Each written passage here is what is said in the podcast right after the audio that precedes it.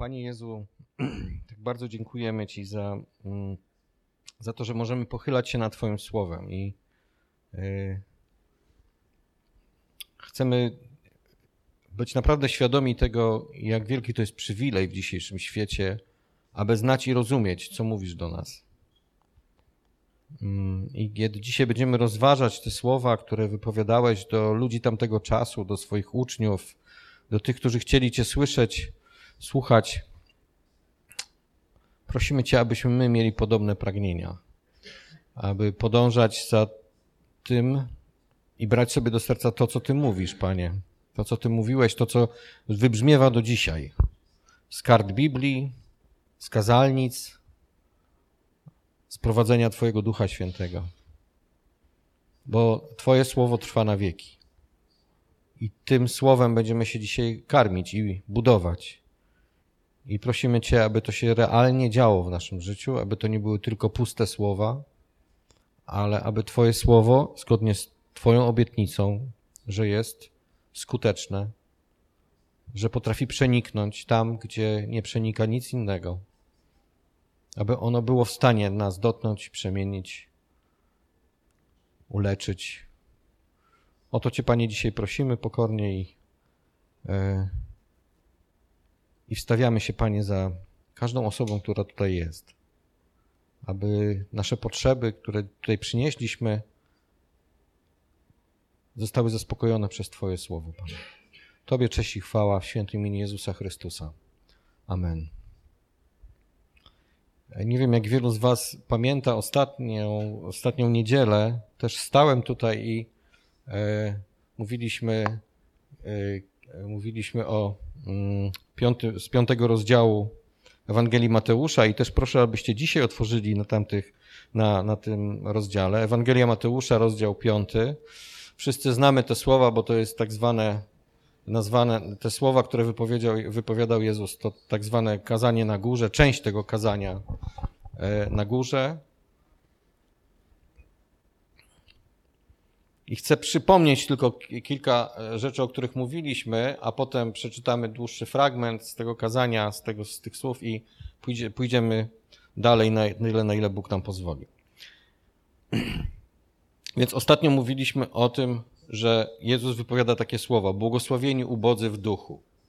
I mówiliśmy o tym, że bogi w duchu to człowiek, który rozumie swoją nędzę, swoją niemoc i nędza polega na tym, że jest tak głęboka, duchowa nędza człowieka jest tak głęboka, że jedyne co może zrobić, to położyć ją przed Bogiem i liczyć na Jego łaskę. Bóg jest chętny do tego, aby pomagać ludziom, którzy są ubodzy w duchu.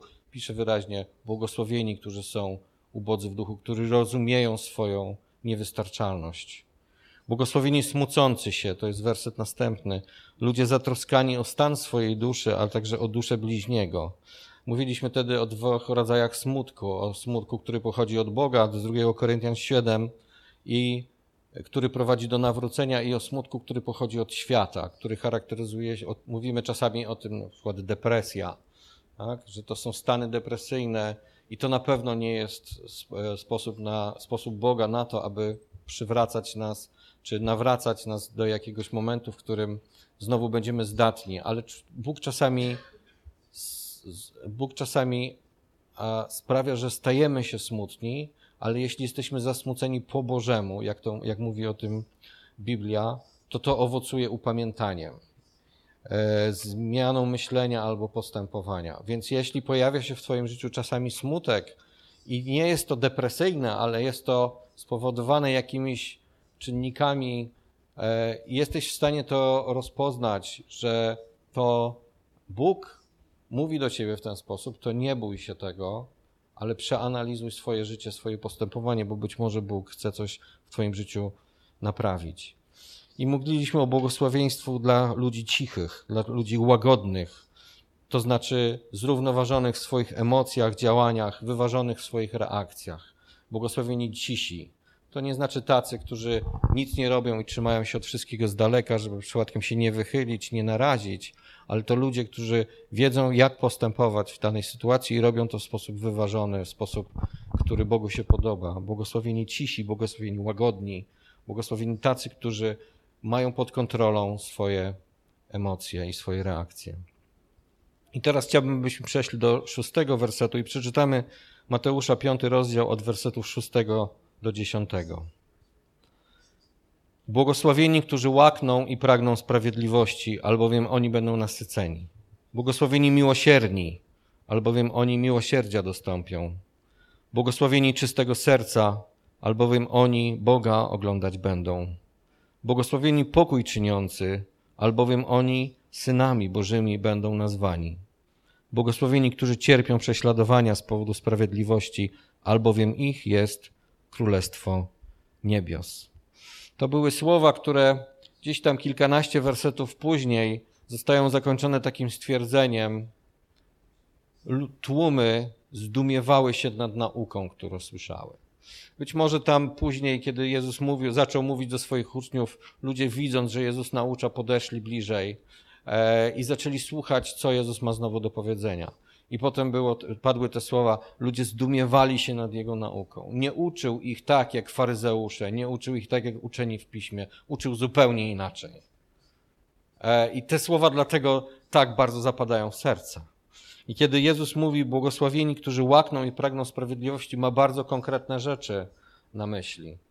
Ten werset szósty mówi o ludziach, którzy mają tak głębokie pragnienie, bo mówi się czasami, że ktoś jest głodny, ale tak naprawdę co my dzisiaj, ludzie współcześni, możemy powiedzieć o uczuciu głodu, pragnienia? Kiedy byłeś ostatni raz tak głodny, że jak to się mówi, zjadłeś konia z kopytami? Jeżeli byłeś, to ok, ale to nie jest prawdziwy głód. Prawdopodobnie nikt z nas nigdy nie zaznał prawdziwego głodu. Ja nigdy nie zaznałem prawdziwego głodu, a czasami bywałem głodny. Pamiętam, jak w wojsku smażyłem chleb na wodzie, e, bo byłem po prostu głodny, tak? bo w tych latach w wojsku było słabo z jedzeniem. E, I ratowaliśmy się tym, co, co można było, ale, e, ale to nie był prawdziwy głód. Ja sobie nawet nie potrafię wyobrazić, jak ludzie w obozach koncentracyjnych, czy gdzieś tam idący przez pustynię, czy w jakichkolwiek okolicznościach, gdzie rzeczywiście nie ma nic, tak? nie ma szansy na cokolwiek, co głód potrafi zrobić z człowiekiem, co pragnienie potrafi zrobić z człowiekiem. E, mm, więc werset, który tutaj jest użyte, słowo, które tutaj jest użyte, słowo peinontes albo pein, pochodzące z słowa peinao, oznacza cierpienie głodu. Niezwykły głód. To jest to, jest, to oznacza cierpieć głód. To coś poważniejszego niż bycie po prostu głodnym. Tego nie da się zaspokoić takim, nie wiem, batonikiem, przekąską, czymkolwiek, co można pójść do sklepu czy wziąć z półki z domu i e, zaspokoić to, to, to przykre uczucie głodu. To nie na tym, e, nie na tym polega. Tak samo słowo dipsao, pragnienie, to znaczy cierpieć pragnienie, to znaczy być bardzo spragnionym, bolesne odczuwanie braku. Generalnie ten werset mówi o czym? Mówi o braku czegoś. I czego? Sprawiedliwości. Błogosławieni są ci, którzy pragną tak mocno, jak powiedzieliśmy przed chwilą, sprawiedliwości. Czego nas uczy Paweł? I tu się skoncentrujemy przez chwilę na tym, co Paweł mówi o poczuciu pragnienia sprawiedliwości. Filipian 3:7 to są wersety, które też wszyscy znamy, jedne z moich ulubionych, muszę przyznać. Chociaż staram się nie kategoryzować wersetów e, czy, czy pisma, ale bardzo lubię czytać te wersety. Filipian 3:7 Wszystko, co mi było zyskiem, uznałem ze względu na Chrystusa za szkodę. Lecz więcej jeszcze, wszystko uznaję za szkodę wobec doniosłości, jaką ma poznanie Jezusa Chrystusa, Pana mego, dla którego poniosłem wszelkie szkody i wszystko uznaję za śmiecie, żeby zyskać Chrystusa i znaleźć się w Nim, nie mając własnej sprawiedliwości opartej na zakonie, lecz te, która wywodzi się z wiary w Chrystusa. Sprawiedliwość z Boga na podstawie wiary, żeby poznać Go i doznać mocy zmartwychwstania Jego, i uczestniczyć w cierpieniach Jego, stając się podobnym do Niego w Jego śmierci, aby tym sposobem dostąpić zmartwychwstania. Nie jakubym już to osiągnął, albo już był doskonały, ale dążę do tego, aby pochwycić, ponieważ zostałem pochwycony przez Jezusa Chrystusa. Co Paweł robi? On świadomie pozbywa się swoich własnych zasług, swojej własnej sprawiedliwości, tego, czego mógłby się pochwalić przed światem, a przecież wiemy, że Paweł mógłby. Bo on dokładnie wiedział i wszyscy naokoło wiedzieli, kim był, zanim spotkał Jezusa na swojej drodze. Był człowiekiem, którym rzeczywiście mógł się pochwalić i pochodzeniem, i przynależnością społeczną, i stanowiskiem, i wiedzą, i religijnością. To wszystko go promowało. I w tym wersecie on mówi, wszystko to uznaje za śmiecie. Niektóre tłumaczenia mówią, wszystko to uznaje za gnój. Za coś, co nie trzyma się w domu, co śmierdzi, co jest niepotrzebne, co się wyrzuca, odrzuca od siebie daleko. I do jednego dążę. Chcę znaleźć Chrystusa, chcę Go poznać, chcę Jego sprawiedliwości, nie mojej, Jego, nie moich zasług, Jego zasługi. Tym jestem zainteresowany. I nie robię tego czekając, aż mi to spłynie z nieba, ale piszę, dążę do tego. Dążę do tego, aby pochwycić, wyciągam po to rękę. To dla mnie ważne. Czynię pewien wysiłek, aby coś osiągnąć, bo to jest do, do uchwycenia. Jezus wyciągnął, tak jak śpiewaliśmy dzisiaj, Jezus wyciągnął do nas rękę. Jezus wyciąga do nas rękę i jest tam między innymi do wzięcia Jego sprawiedliwość, Jego miłość, Jego przebaczenie, Jego łaska. To wszystko jest do wzięcia. Tylko czy my chcemy z tego czerpać? Paweł chciał, pisał o tym wyraźnie. Wyrzucam resztę, rezygnuję z swoich, z tego wszystkiego, kim jestem, kim byłem, kim mógłbym być. Spotkałem na swojej drodze Jezusa i nic więcej mnie teraz nie interesuje. Świat wyglądałby naprawdę inaczej, gdyby ludzie zechcieli czerpać z tego źródła. Żylibyśmy w zupełnie innym świecie, gdyby, gdyby wszyscy ludzie mieli takie dążenia, gdyby potrafili rezygnować ze swojego na rzecz, te, na rzecz tego, co oferuje Jezus Chrystus. To byłby inna, to był, byłby inny świat. I druga część tego wersetu mówi o tym, że będziemy nasyceni, że ci, którzy pragną i łakną sprawiedliwości, będą nasyceni. I dzieje się to dwa, na dwa sposoby. Ja tak myśląc o tym wersecie, przyszło mi, przyszło mi do głowy i wierzę, że to jest od Boga, dzieje się to na, na, na, na w dwójnasób. Dzieje się to w nas, kiedy już poznamy, co oznacza sprawiedliwość Chrystusa i uznamy ją, że to jest ta jedyna sprawiedliwość, którą chcemy posiadać. Więc dzieje się to w nas wtedy, kiedy wierzymy, zaczynamy wierzyć Bogu. Kiedy zaczynamy na, serio traktować to, że nie moja sprawiedliwość i że nie, mam, nie, za, nie zaniósłbym przed Boży tron niczego, co mogłoby mnie wypromować, co mogłoby sprawić, że Bóg poklepałby mnie po plecach. Nie ma we mnie nic takiego. To jest ta świadomość takiego duchowego zubożenia poprzez upadek i grzech, która przydarzyła się ludzkości. I co wybieram? Wybieram sprawiedliwość Chrystusa.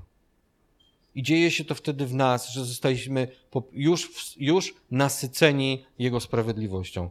I eschatologicznie dzieje, będzie się, stanie się to wtedy, kiedy zamieszkamy w świecie, w którym będzie panować sprawiedliwość. I czytamy w, o tym w objawienia 20 i 21, kiedy Bóg będzie stwarzał, no, będzie stwarzał na nowo, będzie ofiarowywał ludziom, Jemu wiernym, nowe niebo i nową ziemię w której mieszka sprawiedliwość. Tak jest dosłownie napisane. W której mieszka sprawiedliwość. Kiedy na nowo świat stanie się miejscem doskonałym i z pełnym sprawiedliwości. Kiedy Chrystus zakróluje tutaj na ziemi. Nie na stałe, bo to nie, nie jest czas na to, żeby teraz eschatologię rozpatrywać, ale na jakiś okres czasu Jezus Chrystus będzie światłem tutaj na ziemi, będzie tą sprawiedliwością i my będziemy tego świadkami. Będziemy to widzieć. Będziemy nasyceni w pełni Jego sprawiedliwością. Żadna inna sprawiedliwość nie zastąpi tej Jego sprawiedliwości. Nie, będzie to, nie może tego zrobić sprawiedliwość faryzejska, filantropijna, męczeńska, sprawiedliwość poprawnego życia, ani żadna inna, jaką byśmy sobie nie wymyślili. Ponieważ tylko ta jedyna sprawiedliwość ma wartość przed Bogiem. Tylko ta jedyna sprawiedliwość może nas uratować. Bóg nasyci kiedyś serca wierzących, pragnących sprawiedliwości ludzi w pełni swoją sprawiedliwością. nie będziemy już łaknąć i pragnąć.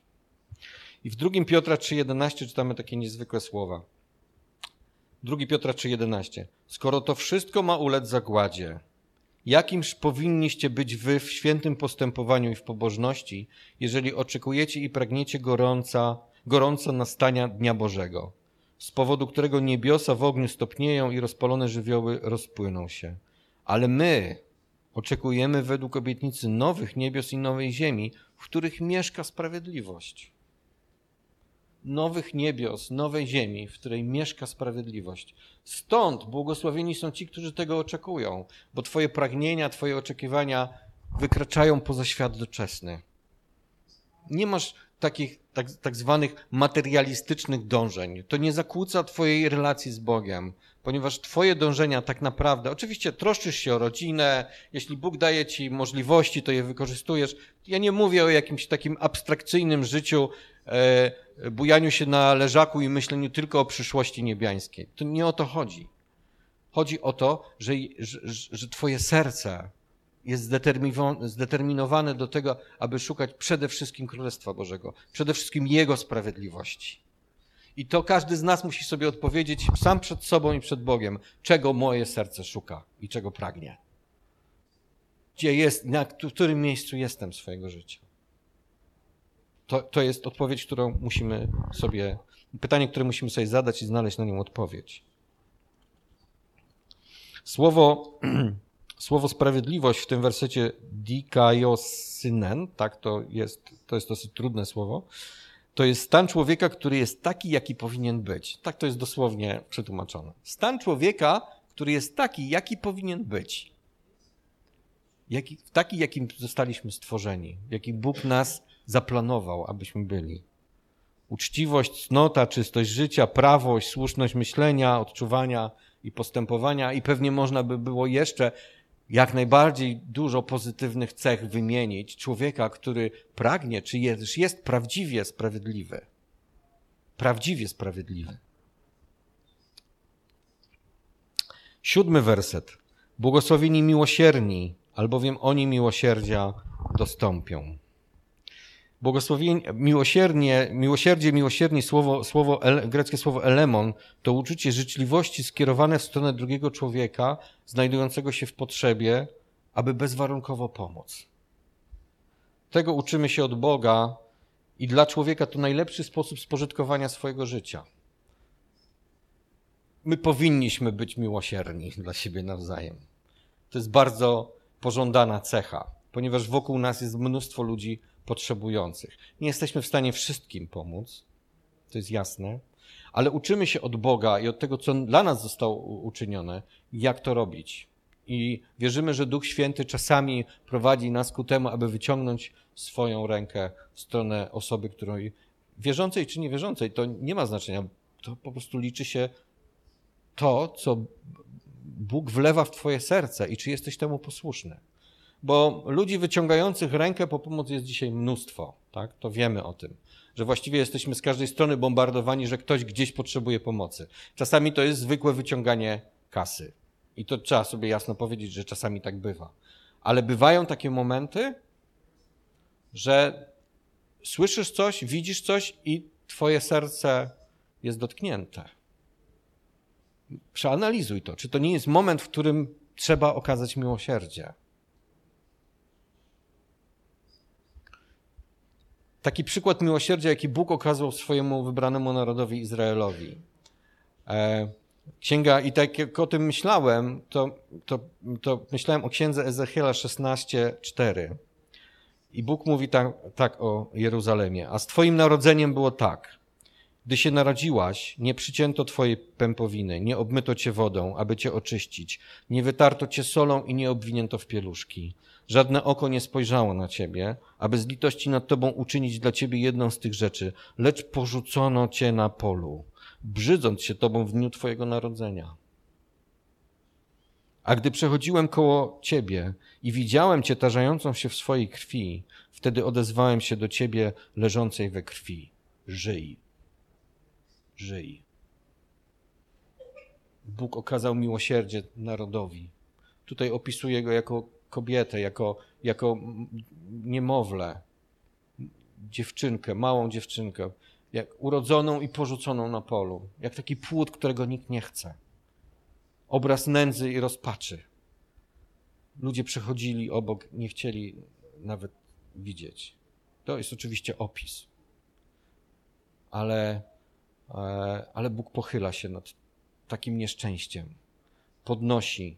I potem w dalszym, w dalszym gdybyśmy czytali dalsze, dalsze wersety tego rozdziału, przeczytalibyśmy, że Bóg robi wszystko, aby to dziecko znalezione na polu wyrosło i tak się też stało na piękną kobietę, która potem sprzeniewierzyła się swojemu wybawcy. Ale jakże cudownie Bóg zatroszczył się o porzucone dziecko. I miłosierny Samarytanin, to już Nowy Testament, to tą przypowieść wszyscy znamy, tak? Człowiek, który pobity przez zbójców leży gdzieś przy drodze i przechodzi lewita, udaje, że nie widzi, przechodzi kapłan, to nie moja sprawa, mam ważniejsze rzeczy, i przechodzi Samarytanin. Wiecie o tym, że Samarytanie byli pogardzani przez Żydów i prawdopodobnie dlatego Jezus użył przykładu Samarytanina, aby tym bardziej uwypuklić problem, jaki mieli. I przechodzi Samarytanin, który pochyla się nad tym człowiekiem, opatruje jego rany i be, zupełnie bezwarunkowo e, zaprowadza go do bezpiecznego miejsca, już bezpiecznego. I jeszcze płaci gospodarzowi tego miejsca, aby, aby on się o niego zatroszczył. Obiecując, że jeśli wydasz coś więcej, to ja ci jeszcze zwrócę, biorę to na siebie. To jest miłosierdzie. To jest miłosierdzie. I przykład naszego Pana. Jezus i my, grzesznicy. Jezus, który wyciąga do nas swoją dłoń. Jezus, który sięga do do głębi naszego ubóstwa duchowego, aby nas z tego duchowego ubóstwa wynieść na niebiosa. Poprzez swoje dzieło. Nie można tego przecenić i nie można wobec tego przejść obojętnie w swoim życiu, bo to kosztuje zbyt wiele, bo zlekceważenie tak wielkiego zbawienia jest ogromnym błędem. Można tak przeżyć całe życie. Można, ludzie tak żyją. Czasami nawet dobrze żyją. Czasami możemy powiedzieć, nieźle im się powodzi. Okej. Okay. To jest na krótki czas. Jeśli myślimy o tym w kategoriach wieczności, to jest tylko na chwilę. A co potem? Ale po co o tym myśleć? Po co sobie tym zawracać głowę? Mamy tu i teraz. To jest jedno z największych kłamstw, jakie ludzie, jakie ludzie łyknęli i trzymają się tego. Ponieważ tam, po drugiej stronie, czeka świętość. Bóg, który nie tylko, że jest dobry, miłościwy, nie tylko, że kochający, ale jest też ogniem trawiącym. I nie możemy o tym zapominać.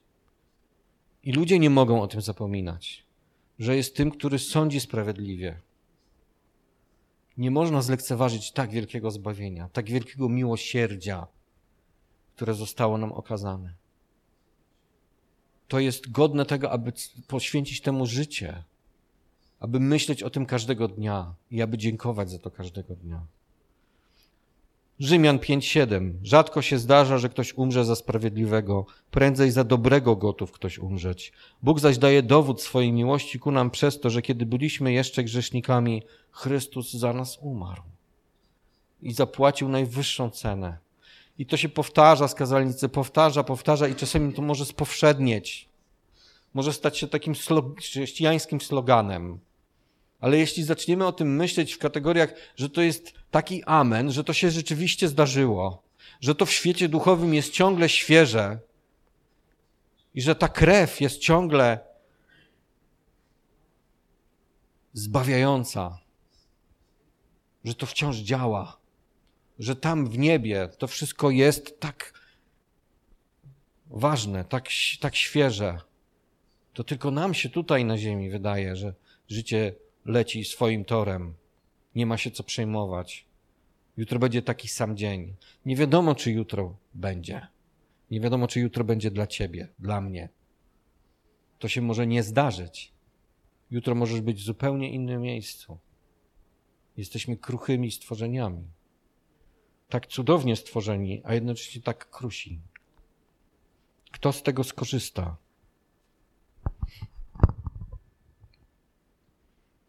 I błogosławieni, ósmy werset, i błogosławieni czystego serca, albowiem oni będą, oni będą, oni Boga oglądać będą.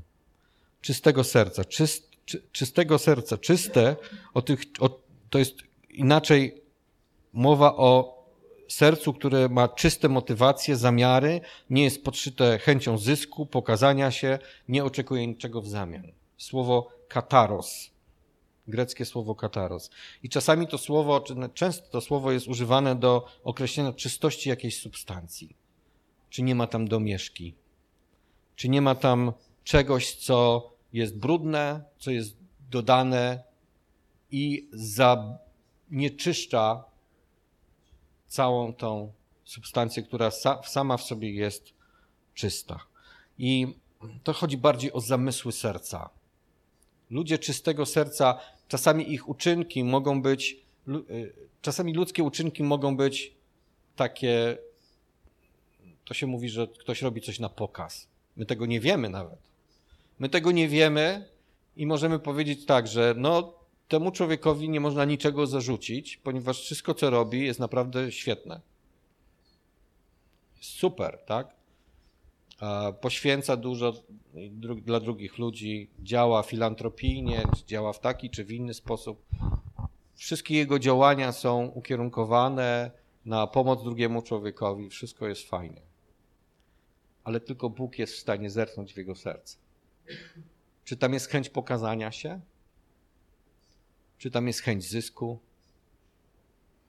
Co jest w sercu? To tylko Bóg może wiedzieć. I błogosławieni są ludzie czystego serca. To znaczy, jeśli robią to, niczego w zamian nie oczekując. Nie chcąc się przed nikim pokazać, tak jak nie wie lewa ręka, co czyni prawa, jak to Jezus mówił.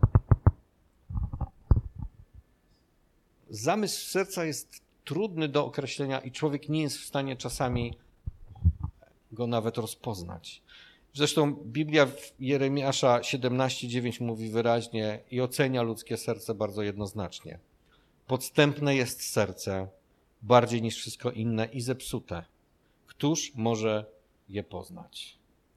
Ja, Pan, zgłębiam serce, wystawiam na próbę nerki, aby oddać każdemu według jego postępowania, według owocu jego uczynków.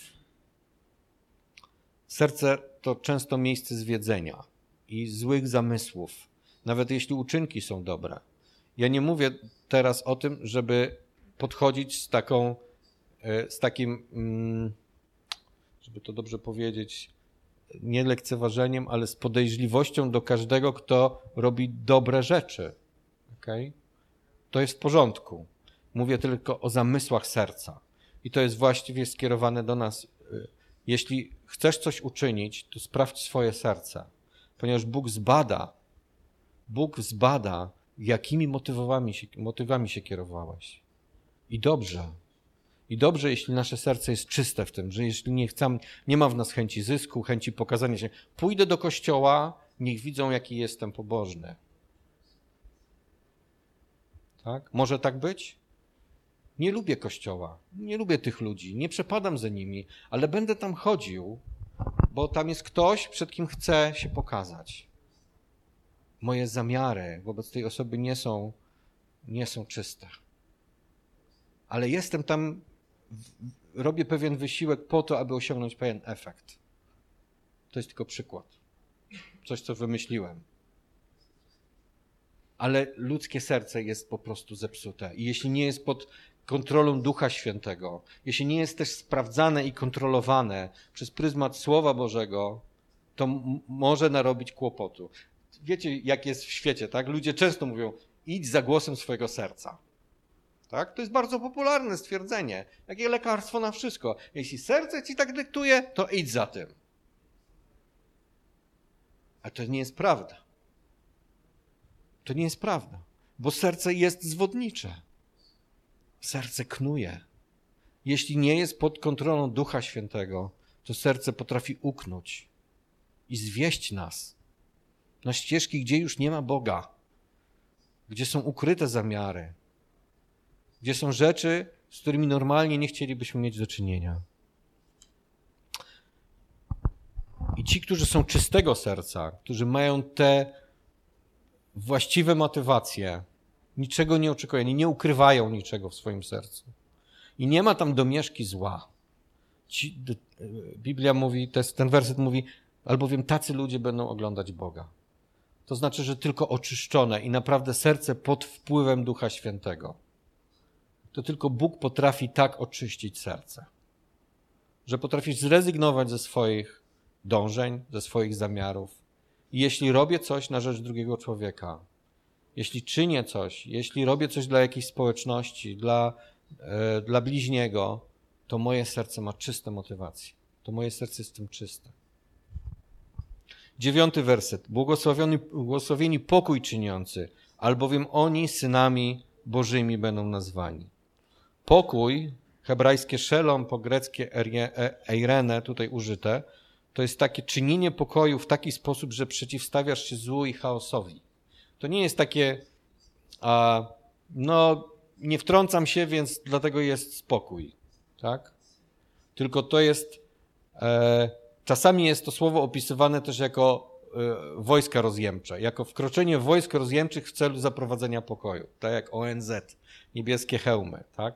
Nie wiem, już nie chcę się wypowiadać na temat ich skuteczności, ale po to zostali powołani, tak? Że tam, gdzie panuje chaos, tam, gdzie jest groźba wojny, tam, gdzie dzieją się rzeczy niebezpieczne, wkracza pewnego rodzaju wojsko rozjemcze między obie skonfliktowane strony, po to, aby oddzielić zwaśnione strony od siebie i żeby z czasem zaprowadzić pokój. Tak? I to w tym znaczeniu jest użyte tutaj to słowo. E i w Rzymian 12:7 Biblia wzywa nas do tego, abyśmy, jeśli to jest możliwe i zależy od nas, ze wszystkimi ludźmi mieli pokój. Rzymian 12:17. Jeśli to od nas zależy, jeśli to jest w naszej mocy, to do samego końca, do momentu, w którym już nie będzie innego wyjścia, miejmy z ludźmi pokój. Nie idziemy z nikim na udry za wszelką cenę, aby moje było na wierzchu.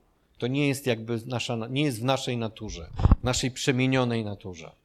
Tak? To także chodzi o dyskusje teologiczne, tak? Że jeśli ktoś się upiera i chce się z tobą kłócić i tak dalej, nie ma sensu. Pozostaw to Bogu. Czasami jest tak, że nie, niektórzy mają takie zacięcie teologiczne, że będzie z kimś. Fajnie, jeżeli ktoś chce rozmawiać. Tylko warto jest rozpoznać, czy to jest tylko kwestia tego, że ktoś się chce kłócić z tobą i marnować twój czas, czy też ma to sens, aby iść i tam wprowadzić pokój. Tak? Pokój w sercu tego człowieka, pokój Chrystusowy. Bo jeśli ktoś po prostu chce tylko gadać, tylko dyskutować i wdawać się w niepotrzebne dyskusje, to będzie tylko strata czasu. Ale jeśli to jest tylko możliwe, jeśli to od Was zależy, ze wszystkimi ludźmi, miejcie pokój. To jest wezwanie z listu do Rzymian.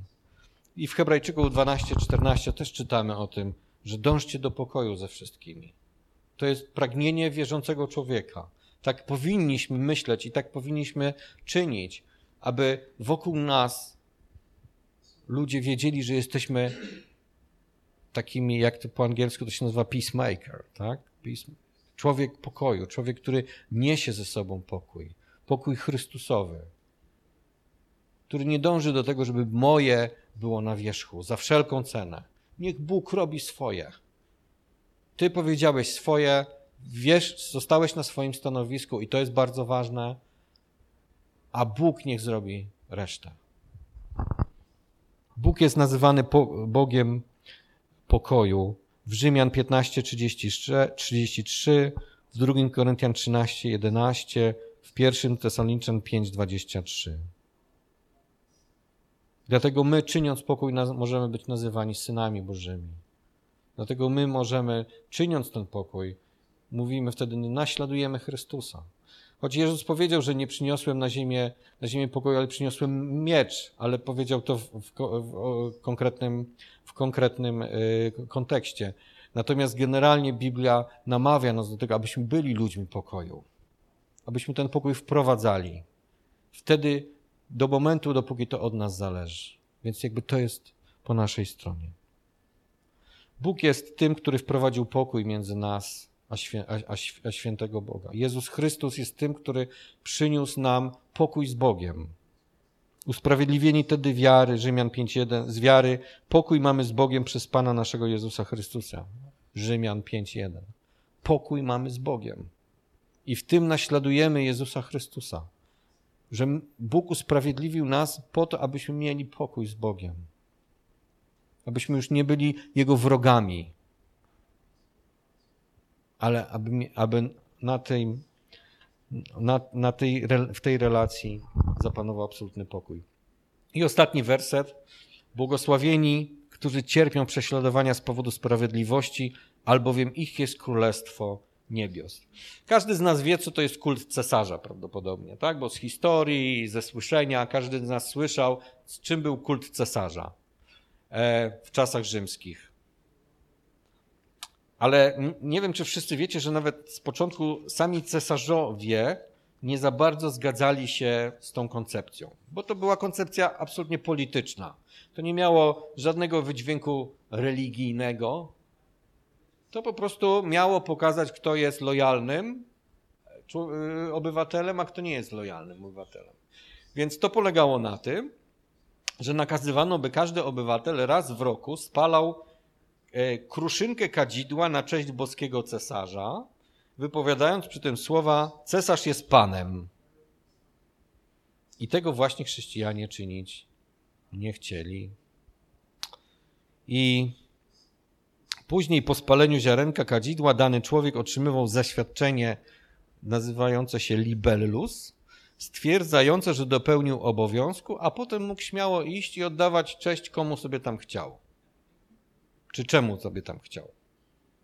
Jeśli tylko ten kult nie zakłócał ładu publicznego, był zgodny z, to był zgodny z prawem i tylko trzeba było raz w roku przyjść przed cesarza, spalić mu kadzidełko i powiedzieć: Ty jesteś panem, podpisik, zaświadczenie, do widzenia.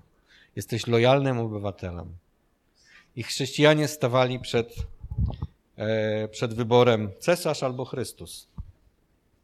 Zwykle w większości wybierali Chrystusa. No i co? No byli nielojalnymi obywatelami. To wzbudzało, to napędzało całą tą machinę zniszczenia, którą później nazywamy prześladowaniami pierwszych chrześcijan, tygrysy, y, gladiatorzy i ten cała masakra, która była związana z prześladowaniami pierwszych chrześcijan. Bogu, czy Bogu się to podobało? Czy to było zamiarem Boga? Myślę, że Bóg nas bardzo kocha. Kocha nasze dusze. I prześladowania są częścią nauki, którą musimy wynieść z tego świata. Cierpienie jest naszym udziałem. Nie szukamy dzisiaj cierpienia i nie szukamy za wszelką cenę prześladowań. To byłoby niemądre. Ale chcę powiedzieć dzisiaj, że Biblia uczy nas o tym, abyśmy byli na to gotowi. Bo nie wiemy, co będzie jutro. Świat się bardzo szybko zmienia. E, dzisiaj możemy przychodzić na takie miejsca, czy do swoich kościołów, głosić Ewangelię, wychodzić na ulicę, rozmawiać ze znajomymi. Czasami ktoś się uśmiechnie, czasami ktoś zrobi jakiś głupi gest, czasami ktoś coś powie. To nie są jeszcze prześladowania. To nie jest nic w porównaniu z tym, co działo się kiedyś. Ale musimy być gotowi na to, żeby trwać przy Jezusie Chrystusie nawet wtedy, kiedy to wszystko będzie wyglądało gorzej. Ja wierzę w to, chociaż wiecie, sam w sobie to nie wiem, czy dałbym radę, ale wierzę, że gdyby przyszło na mnie coś takiego, że musiałbym wybrać i wybrałbym Chrystusa i to wiązałoby się z takim czy innym prześladowaniem, zagrożeniem, nie wiem, wolności, czy naj, naj, najłagodniej, nie wiem, utratą pracy, czy jakąś, jakimś społecznym wykluczeniem, a w najgorszych przypadkach nawet śmiercią, to wierzę, że Bóg dałby mi siłę wytrwać przy moim wyborze. Wierzę w to, że ta siła musi pochodzić od Boga. I wiem, wierzę w to głęboko, że ci ludzie, którzy piersi jako piersi nadstawiali głowy, ginęli straszną śmiercią, krzyżowani głową w dół, rozszarpywani przez lwy, e, e, rozczłonkowywani przez e, jakichś żołnierzy na arenach Rzymu. Wierzę, że oni byli wspierani w tym wszystkim przez samego Boga.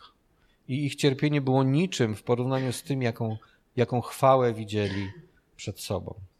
I wierzę, że Bóg w takich chwilach, gdyby przyszło mi osobiście ponosić taką cenę za moją wiarę, dałby mi do tego zdolności i siłę. Tylko w nim mam tą nadzieję, bo sam w sobie to tak średnio bym powiedział. Ale wierzę, że Bóg dałby mi tą siłę.